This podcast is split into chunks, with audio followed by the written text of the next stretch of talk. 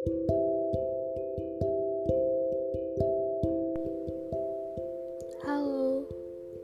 selamat malam semuanya. Balik lagi sama aku Ayu di podcast kita akan kekal. Hari ini ada episode kedua nih. Tapi sebelum itu aku pengen nanya deh. Kalian pernah gak sih ngerasa menyepelekan hal-hal yang sebenarnya menurut orang lain itu berarti. Kalau kalian di posisi yang disepelekan, kalian gimana menanggapinya? Kalian cuma bisa tersenyum, nangis, atau yang kayak frontal di depan orangnya langsung? Kalau aku sih jujur tipikal yang diem, diem-diem nangis maksudnya. Jadi ada satu kisah ketika aku di Wisma Atlet. Aku tuh sering banget beresin kamar seseorang lah. Bukan cuma beresin, tapi aku juga kadang nyetok makanan di kamar dia. Alasannya sederhana, karena aku pengen pas dia balik kerja, dia nggak pusing gitu ngeliat kamarnya yang super berantakan itu. Maklum kamar cowok. Aku dengan keikhlasan hati melakukan itu. Sumpah. Aku juga nggak ada niatan buat minta balasan atau apa, nggak ada. Semata-mata karena aku perhatian sama dia karena aku sayang sama dia. Lambat laun dia mulai menyepelekannya. Ketika dia aku hantarkan makanan ke kamarnya dia menolak dia bilang dia udah kenyang Padahal itu udah aku antar ke depan kamarnya.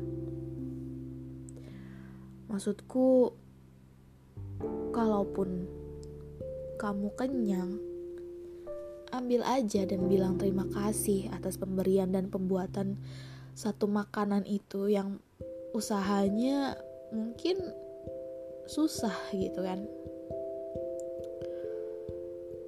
Aku gak maksa dia buat makannya, aku cuma mau denger ucapan terima kasih dari dia aja itu udah lebih dari cukup. Ada satu momen juga aku melihat keranjang Shopee dia. Ada satu baju bertuliskan Molukas atau Maluku yang dia tambahkan ke keranjang Shopee-nya. Namun aku lihat satu bulan dua bulan tak kunjung juga dibelinya.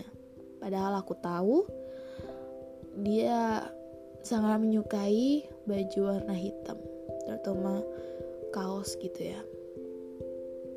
Akhirnya aku berinisiatif lah untuk membelikan satu buah kaos itu warnanya hitam. Di belakangnya terdapat sablonan peta Maluku. Ukurannya M sangat pas di badannya. Aku berikan kepadanya, lalu dia, dia dengan sukacita gitu menerima barang tersebut. Menjelang penghujung tahun, ketika kami sedang ngobrol, tiba-tiba dia bertanya kepadaku, e, "Apakah boleh aku kasihkan baju yang kau berikan itu sama temanku. Aku terdiam, benar-benar terdiam. Aku jawab, "Ya jangan dong, kan itu aku kasih sama kamu." Terus dia ketawa dan bilang, "Haha, iya ya, enggak." Aku jujur aja harusnya aku membiarkan dia memberikan kepada siapa pun bukan? Tapi maksudku di sini kalaupun emang dia mau ngasih itu ke orang lain seenggaknya jangan minta izin ke aku. Kayak sakit hati banget sih kalau tahu itu. Padahal aku tahu dia suka banget pakai baju itu. Kayaknya dalam satu minggu itu bisa 3 sampai empat kali dia pakai baju itu kayak nggak ganti baju aja sih sebenarnya lalu di kemudian hari aku tanya sama dia mana baju itu masih kau simpan Terus dia jawab, masih. Oke, aku percaya. Bodohnya itu sih aku mudah percaya dan mudah luluh. Lusanya ketika kami sedang video call uh, dan dia melantunkan beberapa lagu bersama petikan gitarnya pastinya aku tiba-tiba menyinggung perihal baju itu. Hei, mana bajunya? Coba tengok. Awalnya dia terlihat tidak peduli. Terlihat mengabaikanku dan terkadang juga mengalihkan pembicaraan. Aku tanya kedua kalinya. Udah kau kasihin ya bajunya sama temenmu?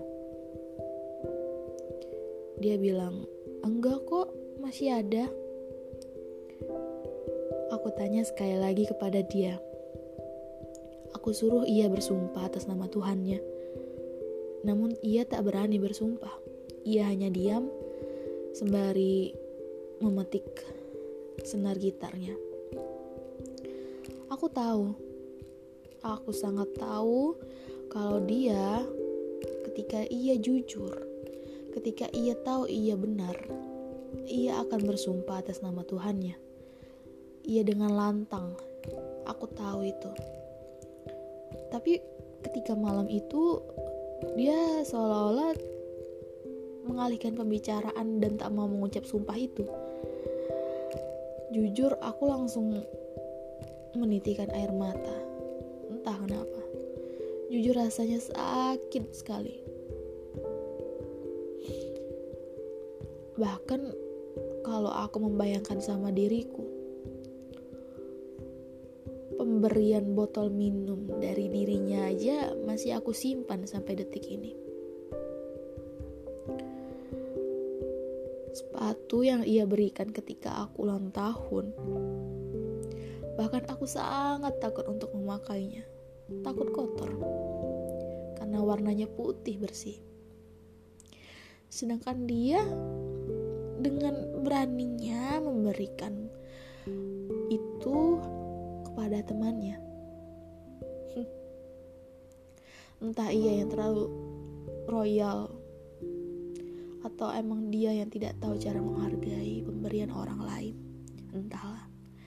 Dari situ aku langsung mematikan video callku.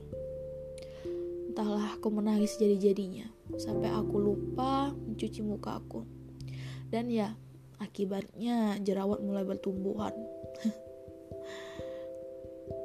jerawat-jerawat ini akan jadi saksi bahwa pengorbanan pemberian kasih sayang aku untuk dia memang sebenarnya tak pernah terbalaskan. Dia hanya berpura-pura menyukainya. Dia hanya berpura-pura mencintaiku karena ia ingin berusaha menghargaiku. Karena ia merasa harus menghargai apa yang sudah aku berikan kepada dia. Tapi enggak. Jujur, aku nggak tahu lagi caranya gimana buat menyelesaikan semua ini. Karena memang tidak ada kata mulai di antara kami. melegakan sekali untuk bercerita di sini. Sekian dulu podcast akan kekal malam ini. Sampai bertemu di episode selanjutnya. Good night.